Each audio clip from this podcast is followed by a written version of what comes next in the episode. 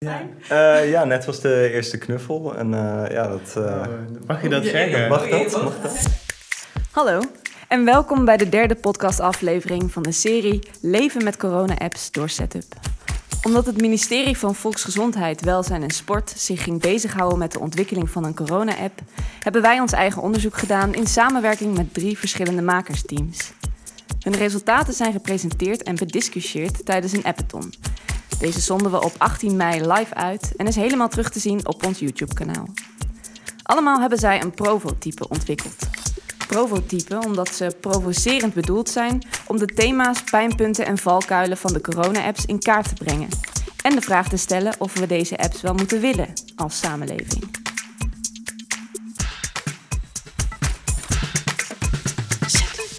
Ik ben Marijke, Begeleider ontwerp het onderzoek bij Setup en zat bij het onderzoeks- en maakproces dicht op de makers. In dit gesprek gaan we dieper in op het onderwerp en onderzoek samen met een van de teams. Ze zullen zichzelf even aan je voorstellen. Ik zit hier met Niels Sinke en Nicky Liebrechts. Jullie zijn een, een team geweest in dit project.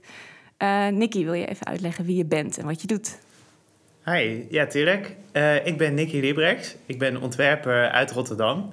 Uh, en met mijn ontwerppraktijk uh, ga ik eigenlijk op zoek naar nieuwe perspectieven op sociaal-maatschappelijke uitdagingen. Ik verpak moeilijke onderwerpen in toegankelijke en prikkelende ervaringen. En daar was dit er eentje van. Uh, en dat deed ik samen met Niels. Ja. ik ben Niels Sinke. ik woon in Utrecht. Ik ben illustrator.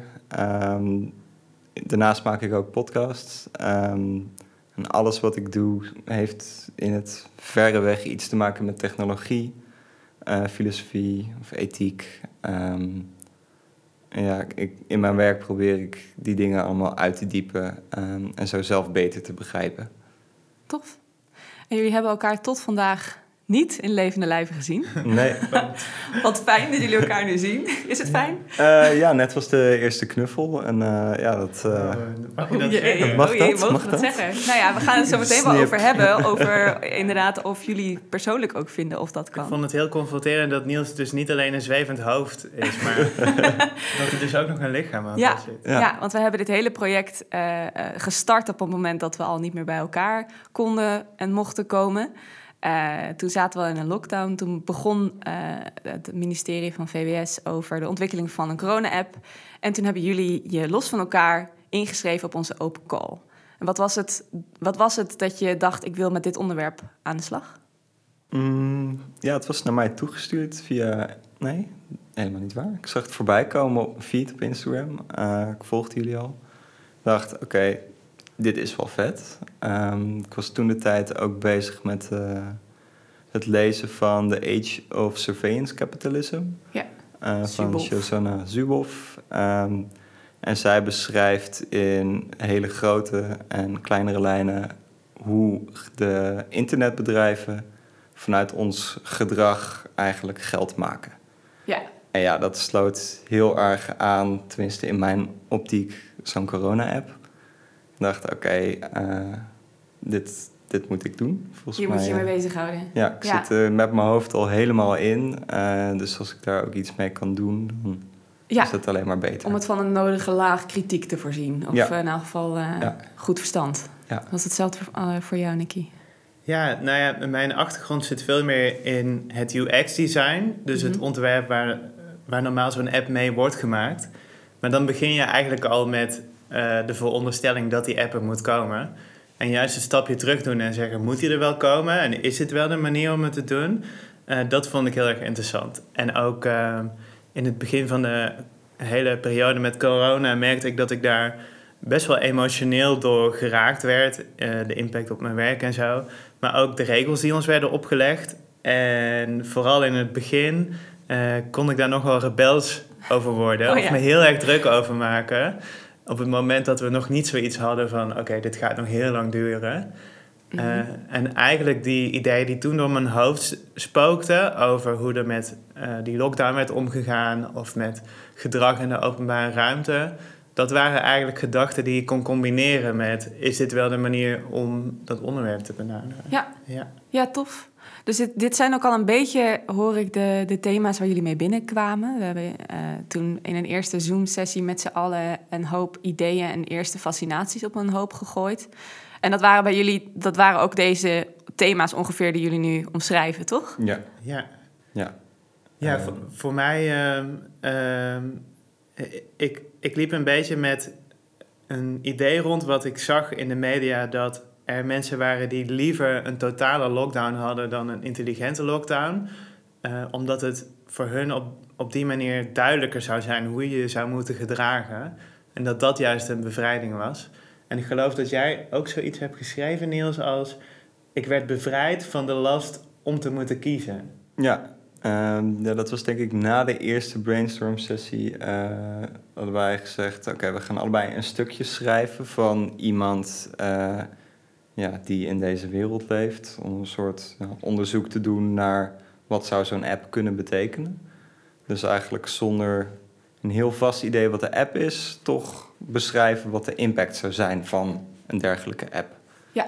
Ehm, en ja, die hoofdpersoon bij mij, die, die werd inderdaad bevrijd van ja, de last om te moeten kiezen. Ja, Eh, de keuze ja is voor jou de verantwoordelijkheid die, die in, in het systeem wat wij in Nederland hadden in elk geval aan je werd opgelegd. Van Ja. ga jij maar voor jezelf bepalen wat, Ja. wat je kompas is en ga elkaar er maar een soort van op, eh, Ja. op corrigeren. Jullie hebben toen eh, elkaar gevonden in die eerste Zoom-sessie op een aantal thema's, wat toen soort de sleutelthema's voor jullie zijn geworden. Welke waren dat?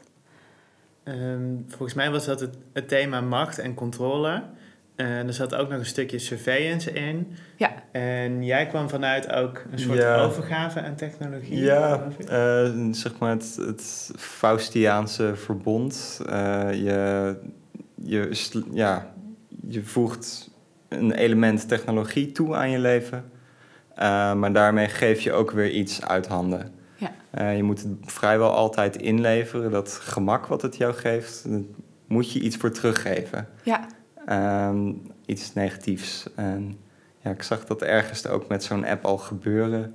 Ik wist nog niet precies waar ja het was natuurlijk ook al een beetje de discussie hè, die er ging van we moeten onze privacy Ja. omwille van onze gezondheid gewoon Ja. even. Het was bijna een Ja. soort eh, niet eh, eh, not done om Mhm. ineens te zeggen nee, maar ik vind mijn privacy of, of iets, iets Nee. anders in die lijn. Ik vind mijn zelfbeschikking hier eh, belangrijker. Dat was Nee. Niet voor de, de, de massa eigenlijk. Nee. Nou ja, ja, precies. Omdat je dan andere mensen in gevaar bracht. Ja, Ja. Dus eh, je bent misschien een minder goed mens als je voor jezelf kiest. Of je bent Ja. egoïstisch. Omdat het belang van de groep eh, voorop staat. Ja. Ja. En misschien onder dat gevoel van een goed mens zijn... eh, was het wenselijker om dan dus ook maar wat stapjes terug te doen in je, ja, Ja. in je privacy. ja. Terwijl- Niet alleen privacy en ik denk ook nog veel meer inderdaad echt je, je eigen handel, handelingsvermogen Ja, ook. je, je autonomie. Ja, Maar ja. Dat, dat- ja, ik heb het idee dat het al heel snel van je werd gevraagd met het opperen van zo'n app. ja. Eh, ik ben zeker niet het type om meteen ja te zeggen. Ik wil dat graag eerst overdenken. Ehm, maar zelfs dat overdenken wordt dan al een beetje als iets negatiefs gezien. En eh, nee, ga er maar in mee. ja. Eh, terwijl ik denk, nee, ik heb er even tijd voor nodig. Ik moet dat uitpluizen, ja, Ja. een soort van uitpakken. Ben ik het hier wel mee eens? Ja. Ik denk dat je die vraag wel moet kunnen stellen voordat je erin geworpen wordt. Zeker. Dus, dus macht en controle, die, dat snap ik helemaal als jullie dit zo uitleggen. Dan spoelen we helemaal naar het eind. Het was namelijk een, een ellenlang proces. Drie Mhm. weken, eh, zoiets. En toen zaten we aan het eind en toen hadden jullie Whipper. Wat was Whipper? Ehm, ja, Whipper was een soort van jouw assistent-app. eh, waarmee jij een beetje in toom werd gehouden eh omtrent je coronagedrag. Ja. Ehm, ja, wat, wat, wat zijn jouw handelingen ehm, in het leven? En ehm, zijn die positief of negatief voor het overbrengen of het beteugelen van corona? Ja, dus om een heel praktisch inzicht te geven. Ja. eh Wipper als app is eigenlijk een soort matching service. Waarbij Mhm. op basis van wat soort persoon je bent, ben je degene die anderen op hun gedrag wijst, of ben je degene die behoefte heeft aan eh, discipline van anderen, eh, dat je op die manier aan de ander wordt gekoppeld. Dus degene die Ja. eh, discipline uitoefent en degene die discipline wil ontvangen. En in die app ga je samen een overeenkomst over, een vorm van consent, waarbij je eigenlijk zegt: Ik wil dat je deze dingen van mij controleert en dat je mij helpt met me op deze manier aan de regels houden. En op die manier kan je als controle uitoefener, als meer de dominante rol inwipper, eh, verschillende mensen die die submissive rol hebben controleren. En in hun dagelijks leven, wanneer ze er behoefte aan hebben, ingrijpen. Aha. Ja, dus ik hoor eigenlijk die, die verschillende eh, posities die jullie aan het begin al van die coronatijd signaleerden, eh, die hebben jullie eigenlijk een plek gegeven om hun eh, diepste wens te botvieren in hoe ze willen omgaan met de coronamaatregelen. En ik hoor Ja. ook dominant en submissive. En dat zijn volgens mij dat zijn termen die komen uit eh, de Mhm. BDSM. Ja. En dat is een Ja. hele specifieke inspiratiebron. ja, ergens halverwege of begin van het proces kwam eh, ja, papa Rutte al naar voren. en vanaf toen was het eigenlijk een beetje besloten. Hij kwam de preek, de preek doen elke week. Ja, Eh, je moet gewoon luisteren, je moet op je knietjes voor hem, je moet eh, gewoon doen wat hij zegt. En ja, met dat BDSM-thema erbij, ja, was voor ons wel duidelijk, hier moeten we iets mee doen, want het is ook vrij grappig. Eh, en in Ja. een prototype nou, mag dat best grappig zijn, mag je dingen Ja. best uitvergroten. Ja, en, en BDSM is natuurlijk aan de oppervlakte eh, misschien het beeld wat je daarvan hebt als een vorm van seksueel experimenteren. Eh, maar daarachter zit een heel ingewikkeld neuropsychologisch proces van eh, mensen die misschien in hun dagelijks leven juist heel veel controle uitoefenen en die verantwoordelijkheden van zich af willen zetten. En als je gaat kijken naar zeg maar, het brein van de mensen die die submissive rol hebben in BDSM, dan worden er een heleboel stofjes bij hun aangemaakt op het moment dat ze die dominante persoon ultiem kunnen vertrouwen. Dus zeg maar door het opgeven van je verantwoordelijkheden, ehm, ja, door die beperking eigenlijk die jou wordt opgelegd, voel je een bevrijding. En ik vond dat persoonlijk super interessant. Dat eh, beperking en bevrijding geen tegenovergestelde begrippen waren, maar eigenlijk hetzelfde in dat geval. ja. Ja. ja, in de verlengde van elkaar kunnen liggen. Ja, En dat je er op deze manier eindelijk openlijk vooruit kan komen. En dan sluit dat aan bij wat jij schreef over het heerlijk om me daaraan te kunnen Ja. overgeven. Zijn er dan dus twee, twee types mens waar je eh, de wereld in kan hakken? Degene die dus submissive zijn en de mensen die dominant zijn? Heel, heel breed gezien, ja. Maar ja, uiteindelijk liggen ze op een spectrum. Eh, kwamen wij op vier types uit. Eh, misschien zijn er nog wel meer types. Ja. Welke types? Waar kwamen jullie op uit? eh, ja, van eh, heel erg dominant naar submissive in het ja, naleven van eh, de coronaregels. Ehm begonnen met de HAVIC. Eh, dat zijn echt de watchers, zeg maar. Zij kijken naar iedereen en ze spreken mensen aan op hun gedrag in bijvoorbeeld de supermarkt. Maar ook ja, naar elkaar toe van... eh, waarom ga je naar vrienden in Amsterdam als je in Utrecht woont met de trein? Jij, jij moet niet met de trein. Oh ja. Eh, dus dan, ja, dat is de havik, havik, dat is de meest dominante vorm. Eh, dan had je de waakhond. Die is iets liever, zeg maar. die is misschien iets meer ingetogen. Die, ja, die heeft wel het gevoel van, oh, die mensen die staan echt heel hard te kuchen zonder eh, hand voor de mond te doen of zo. Maar ja, ik blijf er gewoon wel uit de buurt. Eh, meer vanuit zichzelf. Dat ja, is iemand ja. die meer denkt van... ik, Ja, ik, ik iets- oordeel wel, maar ik ga er niet op af. ja. Ehm, ja, dan, Ja, de, de knuffelbeer is zeg maar het eerste submissive type. En dat is degene die net wat losser is met de regels. Of die misschien net zich er wel aan houdt. Of dan net een klein beetje minder. Eh, misschien eh, nog wel een vast clubje mensen ziet en die wel aanraakt.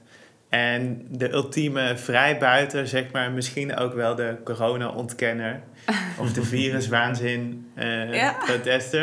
Eh, dat is eh, het konijn. ja, Het ko- konijn wat gekooid moet worden. ja, En ehm, bij BDSM heb je tussen dominant en submissive ook switch. Dat is iemand die de ene keer de een is en de andere keer de ander. En misschien dat er ook mensen zijn die zich daarin herkennen. Die een half, Ja. half konijn, half hond zijn. Ja, die in Ja. het ene moment een feestje hebben waar ze zich helemaal laten gaan. Ja, en hoe, eh, eh, hoe, kwam je, hoe kom je dan in die app tot welk eh, type jij bent? Hoe word je daarin geplaatst? Mm, Ja, dat was misschien eh, onze eerste uitwerking van het idee. Dat zou dus die test zijn. Ehm, ik moet een klein beetje terug. Eh, ons idee was eh, om niet echt een harde app te maken, eh, maar meer alle losse ver- verhalen om die app heen. Ja. Als een soort multimedia ding, waar als je alles ziet, dat je een soort van kern van die app Ja. krijgt. Zonder het werkelijk over die app te hebben. Ja, en later in het proces werd ons duidelijk dat we uh, toch wel wat specifieker en duidelijker naar een app toe moesten werken. Um, en ja, een van die uitingen in dat begin was dus een vragenlijst, waar je op basis van je antwoorden uh, ja, in een categorie uh, werd gestopt. Ja. ja. Een soort uh, welke Disney-prinses ben jij, maar dan... Ja, uh... precies. Ja, ja, wij dachten er moet een hoge deelbaarheidsfactor aan zitten. Ja. Welk coronadier ben jij? Welke persoonlijkheid ben jij? Zodat die dan op WhatsApp en Facebook door je moeder en, ja, ja, dat maakt en het je dan ook tante heel ook gedeeld kan worden. Ja. Het was ook een, er waren hele mooie illustraties van die havik met een soort zo van die oh, kniehoge lederen laarzen aan en zo. Dus dat Ja. hielp ook heel erg bij is de, Ja. eh, dus een beetje de speculatieve wat er ook in zit. Want het is Mhm. natuurlijk, we hebben, die, we hebben jullie niet gevraagd om echt apps te maken. We hebben jullie Nee. gevraagd om na te denken over scenario's of alternatieven waardoor we bepaalde vragen gaan stellen bij de app. Ja. En welke vragen eh, hoopten jullie op te roepen bij mensen met Wipper? Nou, ik, ik heb één vraag die voor mij een soort van de overkoepelende grotere vraag is. Eh, ik weet niet of die hetzelfde is voor jou, Niels, maar bij mij was dat omdat vertrouwen zo'n soort van sleutel is tot het slagen van BDSM. En tot het ultiem eh, ja, jezelf aan de ander over kunnen geven, kan je jezelf afvragen: wordt die COVID-app zoals die nu wordt ontwikkeld, de corona-check heeft die geloof ik op dit moment, uh, wordt die op basis van die vertrouwen gemaakt of wordt die op basis van wantrouwen gemaakt? Ja. En ik denk dat dat een keuze is waar heel veel, uh, heel veel beslissingen op dit moment in in te delen zijn. Bij wantrouwen denk ik eerder aan een vorm van surveillance of camera's gebruiken of bluetooth of trekken. En vertrouwen gaat veel meer uh, van het goede uit. En eigenlijk dat thema van ben je nu bezig met een systeem op basis van vertrouwen of op basis van wantrouwen, dat vind ik, dat vind ik een hele belangrijke vraag. Ja. Ja. En bij mij lag je denk ik iets meer uh, in het kader van uh, verantwoordelijkheid. Uh, en ja, of de regering die verantwoordelijkheid neemt, of dat wij dat als individuen zelf moeten doen.